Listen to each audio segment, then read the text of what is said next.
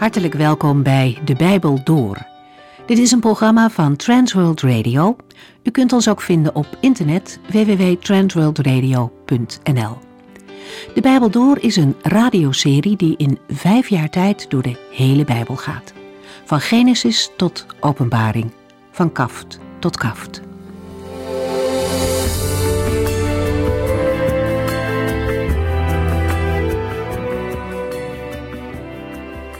Vandaag gaan we verder met het Bijbelboek Filippenzen. De afgelopen dagen ging het over sportwedstrijden, die Paulus als voorbeeld gebruikt om geestelijke lessen te leren. Een sporter is bijvoorbeeld maar op één ding gericht, namelijk het winnen van de prijs. Hij moet daarvoor veel dingen laten, maar dat heeft hij ervoor over om die prijs te winnen. De beloning is de opoffering van andere genoegens meer dan waard. En al rennend in de wedstrijd kijkt de sporter vooruit naar de finish. Een hardloper die steeds omkijkt om naar wat achter hem ligt, verliest snelheid. Of hij struikelt. En zo is het ook wel met christenen. We leven met het oog gericht op de prijs die ons wacht bij de Here. We doen sommige dingen niet omdat ze ons zouden afleiden van ons doel. En ook voor christenen is het goed niet steeds achterom te kijken naar wat geweest is. Er staat ons nog zoveel goeds te wachten bij God. Laten we daar naar uitkijken. Paulus spoort de lezers in vers 16 aan om door te gaan op het punt waar ze gekomen zijn. De een is misschien al verder op de weg van Christus dan de ander, maar iedereen mag, of eigenlijk moet, op zijn of haar eigen niveau doorgaan op die weg. Stilstand is ook in dit geval achteruitgang. Vervolgens roept Paulus op om navolgers van hem en andere gelovigen te worden. De reden daarvoor is dat veel mensen zich gedragen als vijanden van de kruisdood van Christus. Paulus is daar fel over. Maar tegelijkertijd klinkt het verdriet over deze keuze van mensen door in zijn woorden. Hij is niet alleen maar boos, het raakt hem dat deze mensen zijn heren niet met hun hart liefhebben en volgen. We lezen verder vanaf het slot van Filippenzen 3.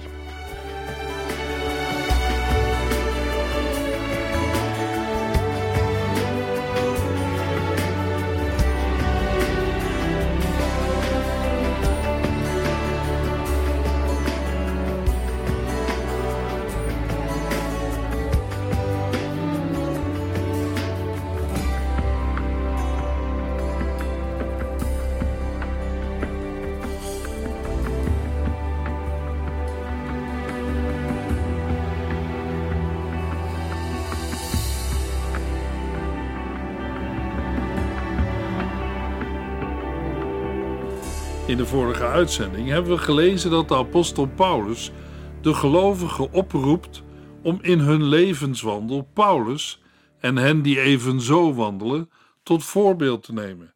En niet degenen die door hun losbandige manier van leven zich gedragen als vijanden van het kruis van Christus. De woorden uit vers 18 laten zien dat de afval van vroegere beleiders van Christus de apostel aangrijpt. Hij zegt met tranen in zijn ogen: Er zijn velen die zich in hun levenswandel als vijanden van het kruis van Christus gedragen. Daarbij gaat het niet om ergernissen ten aanzien van Christus of het kruis van Christus, maar om een levenswandel die niet bij Christus en een christen hoort. Door hun levenswandel laten zij zien dat de zonde nog steeds macht heeft over hun leven. Paulus sprak er in Romeinen 6, vers 1 de gelovigen al op aan met de woorden: Zullen wij doorgaan met zondigen, om daardoor meer genade van God te krijgen? Geen sprake van. Het levensmotto van deze mensen was: Laten we eten, drinken en vrolijk zijn, want morgen sterven wij misschien. In 2 Thessalonicense 3, vers 6 tot en met 12 werkt de apostel het thema nog concreter uit.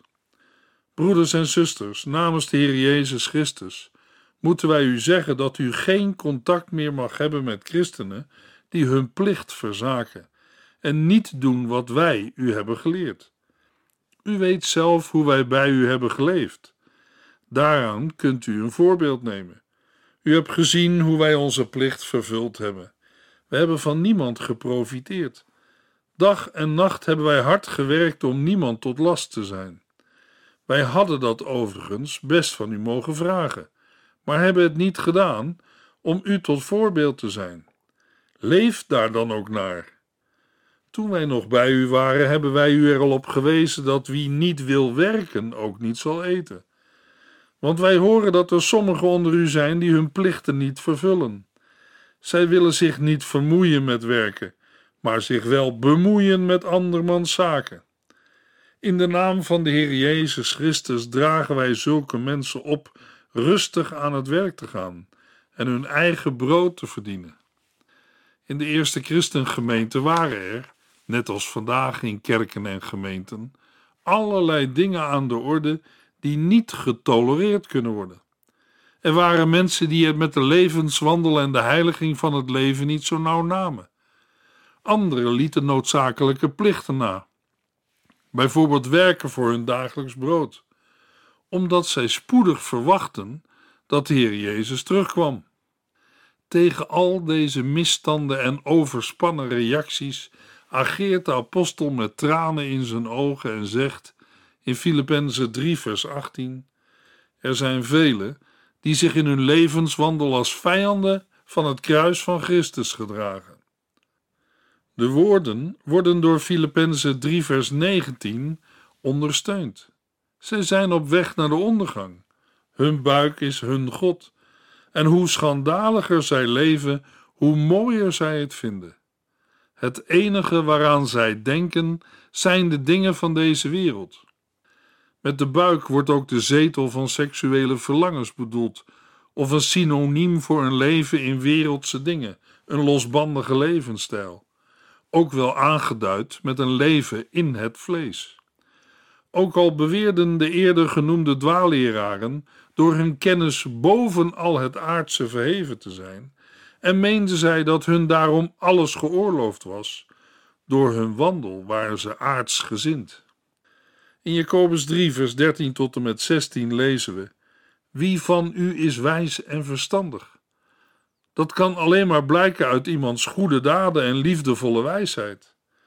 Maar als u door jaloezie en eigenbelang vol wrok zit, kunt u zich nergens op beroemen. Dan zou u de waarheid geweld aandoen. Want jaloezie en egoïsme lijken in de verste verte niet op Gods wijsheid. Nee, ze zijn aards, ongeestelijk en duivels. Waar jaloezie en eigen belang zijn, vindt u ook wanorde en meer van dat kwaad.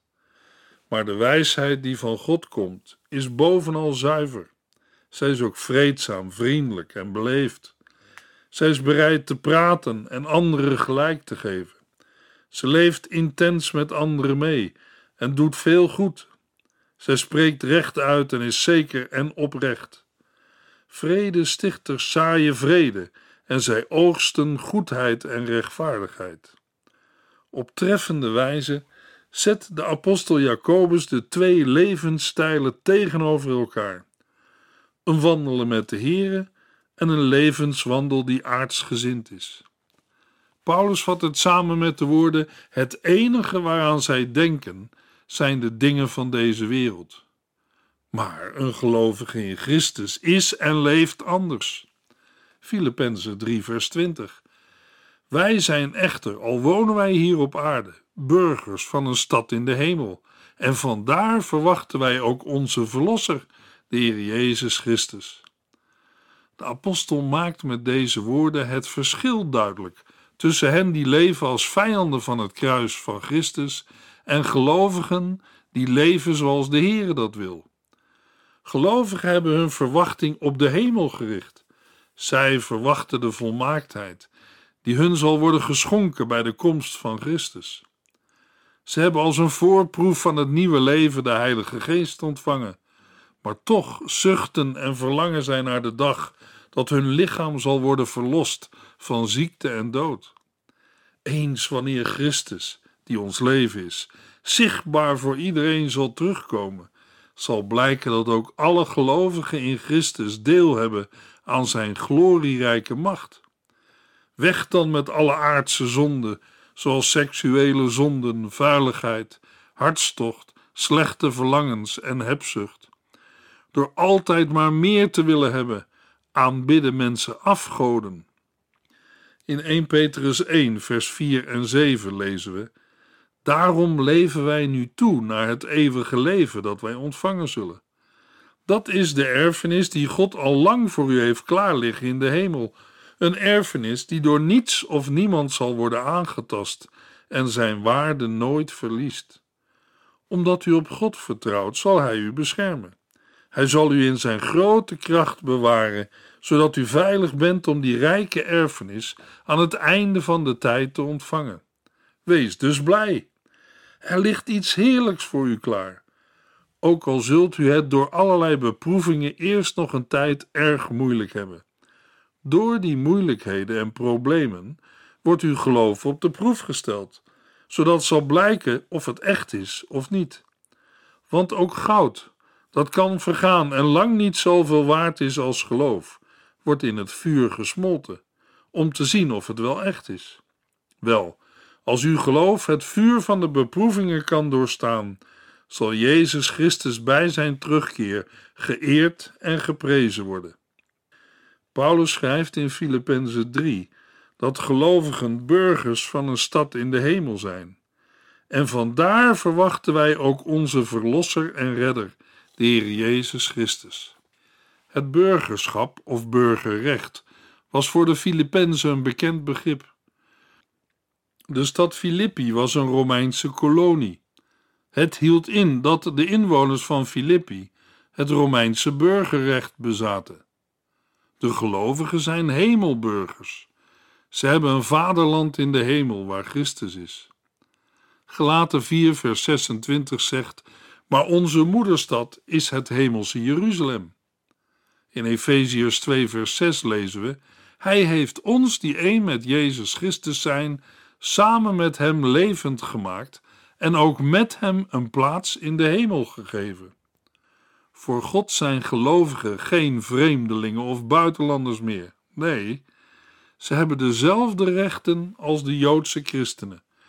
Zij horen nu ook bij het volk van God, bij zijn gezin. Als christenen burgers van het hemelse Jeruzalem zijn, moeten zij zich dan uit de wereld terugtrekken? Tenzij de Heer een andere weg wijst, is het antwoord op die vraag nee. Gelovigen vormen op aarde een kolonie van hemelburgers en vertegenwoordigen het koninkrijk van Jezus Christus. De gemeente van Christus, alle gelovigen, hebben op aarde nog een taak uit te voeren. Wij zijn geroepen om in de wereld de grote daden van God te verkondigen. Uit de hemel verwachten wij ook onze Verlosser, de Heer Jezus Christus. In Filippenzen 3, vers 20 wordt de Heer Jezus Christus Verlosser genoemd. Natuurlijk zijn de gelovigen in Christus nu al verlost, maar zij zien uit naar de volle verlossing bij de komst van de Heer Jezus Christus. Opmerkelijk is dat ook de Romeinse keizers zich redder of verlosser lieten noemen. Filippenzen 3, vers 21. Door de onbeperkte kracht waarmee hij alles aan zich onderwerpt, zal hij ons sterfelijke lichaam veranderen in een hemels lichaam, dat net zo sterk en schitterend is als het zijne. In vers 21 wordt de redding door Jezus Christus nader omschreven. Het taalgebruik van vers 20 en 21 doet vermoeden dat Paulus gebruik heeft gemaakt van een aan de gemeente bekend lied. Het lied vertoont in woordkeus verwantschap met andere delen van de brief aan de Filippenzen. Gelet op de parallel met Filippenzen 2 vers 6 tot en met 11 wordt in vers 21 met lichaam de hele mens bedoeld. Een sterfelijk mens bevindt zich hier op aarde in een staat van vernedering, oneer, vergankelijkheid en sterfelijkheid. Maar een gelovige zal bij de komst van Christus veranderd worden, of in onvergankelijkheid worden opgewekt. In 1 Corinthians 15, vers 51 tot en met 54 schrijft Paulus: Wat ik u nu verder vertel, heeft God tot nog toe verborgen gehouden. Wij, als gelovigen zullen niet allemaal sterven, maar wel allemaal in een oogwenk een nieuw lichaam krijgen op het moment dat de laatste bazuin klinkt. Ja, er zal een machtig geluid van een bazuin te horen zijn.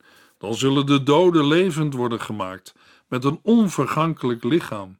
En ook wij zullen een nieuw lichaam krijgen.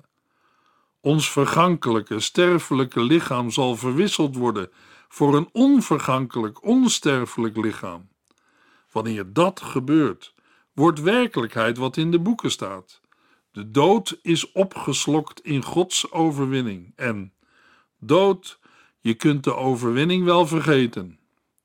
De toestand van vernedering zal door Christus worden omgezet in de werkelijkheid van Zijn heerlijkheid. De gelovigen zullen aan Christus gelijk worden. Christus, die alle dingen aan zich zal onderwerpen, heeft ook de macht om de gelovigen te verheerlijken. In Romeinen 1 en in Efeziërs 1 wordt deze kracht aan God de Vader toegeschreven, waaruit blijkt dat de Heer Jezus dezelfde macht heeft als zijn Vader. Luisteraars, wat zal dat een geweldige dag zijn, de dag van de wederkomst van de Heer Jezus Christus. 1 Thessalonicense 4 vers 16 tot en met 18. Want als het signaal klinkt, als een van de voornaamste engelen zijn stem laat horen en de trompet van God schalt, zal de Heer zelf uit de hemel neerdalen. Dan zullen de gestorven christenen eerst opstaan en daarna zullen wij, die op dat moment nog leven, met hen in de wolken worden opgenomen om de Heere in de lucht te ontmoeten en altijd bij hem te zijn. Met dit nieuws kunt u elkaar troosten en bemoedigen. Johannes mocht in Openbaringen 1, vers 10 al iets zien van de verheerlijkte Christus. Maar hij kon in de stralende en de schitterende heerlijkheid niet blijven staan. Alles schitterde als de felle zon. In Openbaring 1, vers 17 en 18 lezen we: Toen ik hem zag, viel ik als dood voor hem neer. Maar hij, Jezus, legde zijn rechterhand op mij en zei: Wees niet bang. Ik ben de eerste en de laatste.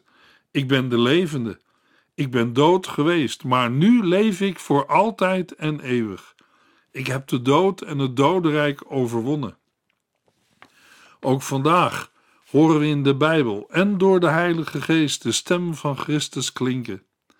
Aan de christengemeente van Laodicea zegt de opgestane Jezus Christus: Luister, ik sta voor de deur en ik klop.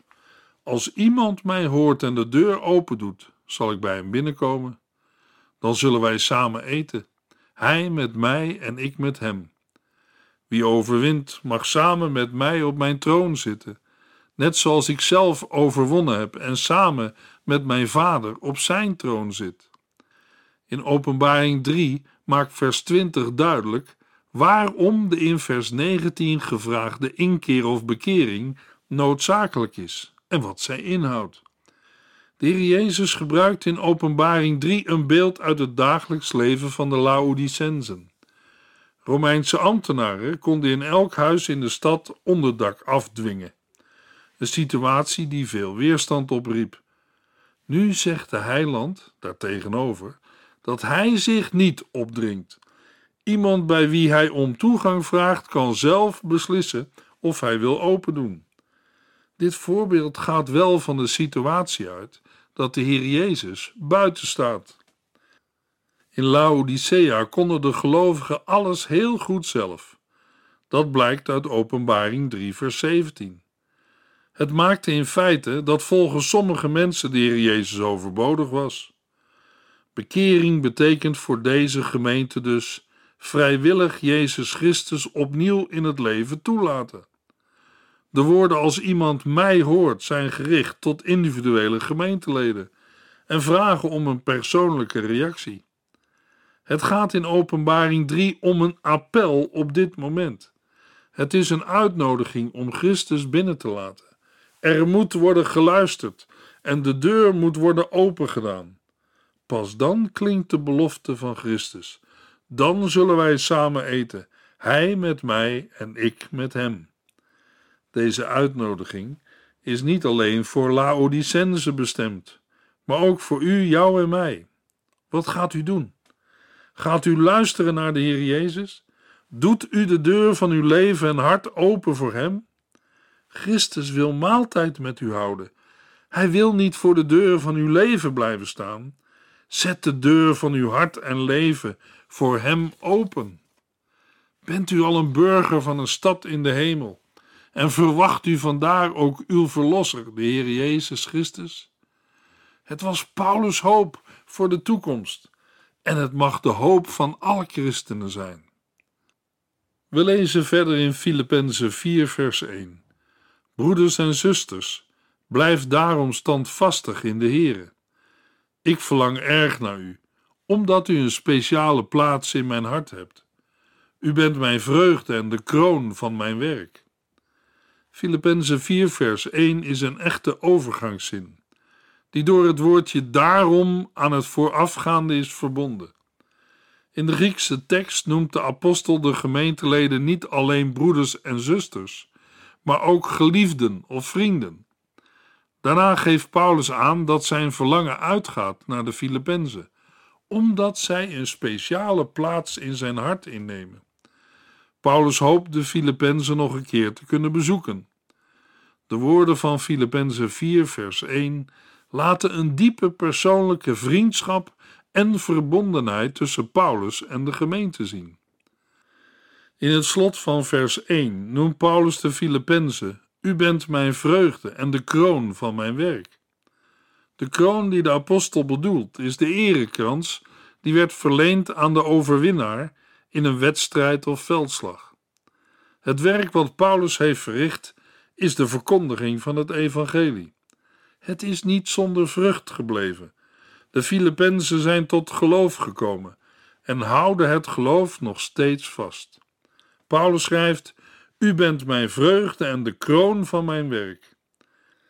In het licht van Filippenzen 3, vers 20 en 21 moeten wij bij deze woorden ook denken aan Paulus' loon op de dag van Jezus Christus. Paulus bemoedigt de Filippenzen om niet toe te geven aan de dwalingen van de joods-christelijke dwaalleraren en ook niet aan allerlei wereldse losbandigheden. Zij moeten standvastig blijven in de Heer.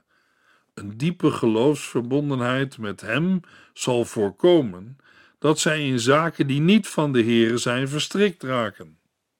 Filippenzen 4 vers 2 Euodia en Sintige vraag ik het eens te worden in de Heer. Euodia en Sintige hadden zich, volgens vers 3, met Paulus ingespannen om het goede nieuws bekend te maken. Zij waren vrouwen die het evangelie zelf hadden doorgegeven of de verkondiging van het evangelie hadden ondersteund. Dat Paulus hen met name noemt, is een teken dat zij belangrijk waren voor de gemeente van Filippi. Mogelijk hadden zij hun huizen opengesteld voor huissamenkomsten van de gemeente. Toen Paulus voor het eerst in Filippi het evangelie verkondigde, hadden hij en al zijn medewerkers gastvrijheid genoten in het huis van Lydia, een welvarende purperverkoopster. Kennelijk hadden in Griekenland sommige aanzienlijke vrouwen in de gemeente veel invloed. De apostel vermaant de beide vrouwen om het eens te worden in de Here, dat wil zeggen, eensgezind te zijn.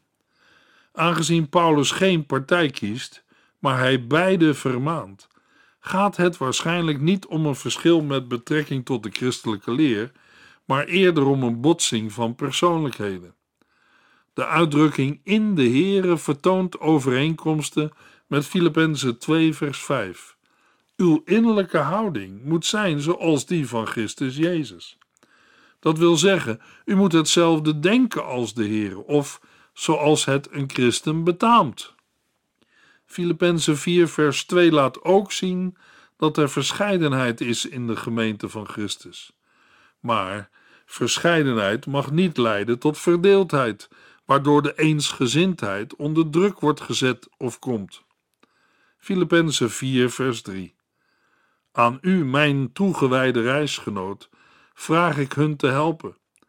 Deze vrouwen hebben zich immers met mij ingespannen om het goede nieuws bekend te maken, net als Clemens en mijn andere medewerkers van wie de namen staan opgeschreven in het boek van het leven. Paulus vraagt bemiddeling om Euodia en Sintige te helpen. Mogelijk was de kloof tussen beide vrouwen zo groot dat ze elkaar niet meer wilden spreken. Bij de woorden mijn toegewijde reisgenoot weten we niet om wie het gaat. Waarschijnlijk heeft Paulus een metgezel of medewerker op het oog. Daarbij komen vooral Epaphroditus, de afgevaardigde van de Filippenzen, of Timotheus in aanmerking. Mogelijk noemt Paulus geen naam, omdat de bedoelde persoon de brief hardop in de gemeente moest voorlezen. Sommigen zien de hele gemeente van Filippi als toegewijde reisgenoten, omdat zij door de ondersteuning van de prediking van de apostel ook meedeelden in zijn opdracht. De hele gemeente moet zich dan inzetten voor een verzoening tussen beide vrouwen. Ook is het mogelijk dat Paulus zich speciaal richt tot Lydia, de eerste gelovige uit Filippi, die hem vanaf het begin heeft gesteund. Onder het goede nieuws moeten we opnieuw de verkondiging van het evangelie verstaan. De woorden, zij hebben zich immers met mij ingespannen, geven aan dat Euodia en Sintige zeer actief bij de verbreiding van het evangelie betrokken waren en daarvoor ook offers brachten. Van Clemens, een gewone Romeinse naam, weten we verder niets. Ook de andere medewerkers uit Filippi noemt Paulus niet bij name. Mogelijk waren het er te veel. Maar het belangrijkste is dat hun namen staan opgetekend in het boek van het leven, of met een uitdrukking uit een andere Bijbelvertaling, het boek des levens. De Heere kent hen, en zij zullen bij zijn komst het eeuwige leven in zijn heerlijkheid ontvangen. Gods kinderen mogen vandaag de woorden uit Psalm 118 zingen. Zijn goedheid duurt in eeuwigheid. In de volgende uitzending lezen we Filippenzen 4, vers 4 tot en met 6.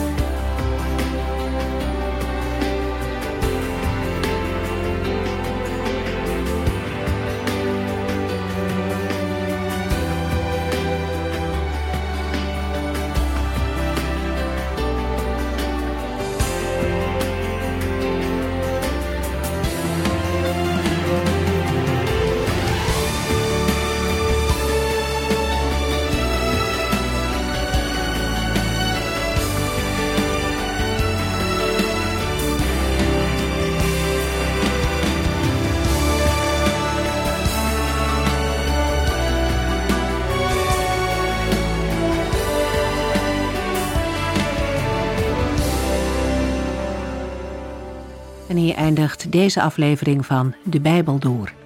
Een serie programma's van Transworld Radio. Wilt u ons iets vragen of meer weten? Dan kunt u altijd contact met ons opnemen. Bellen kan overdag met 0342 478432.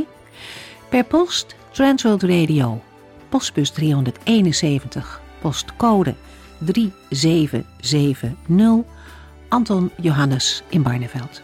En e-mailen kan ook. De Bijbel door at transworldradio.nl En natuurlijk ook via onze website transworldradio.nl Dit programma werd gepresenteerd door Cor Weda en Ike André. En namens iedereen die er nog meer aan meegewerkt heeft, graag tot de volgende keer.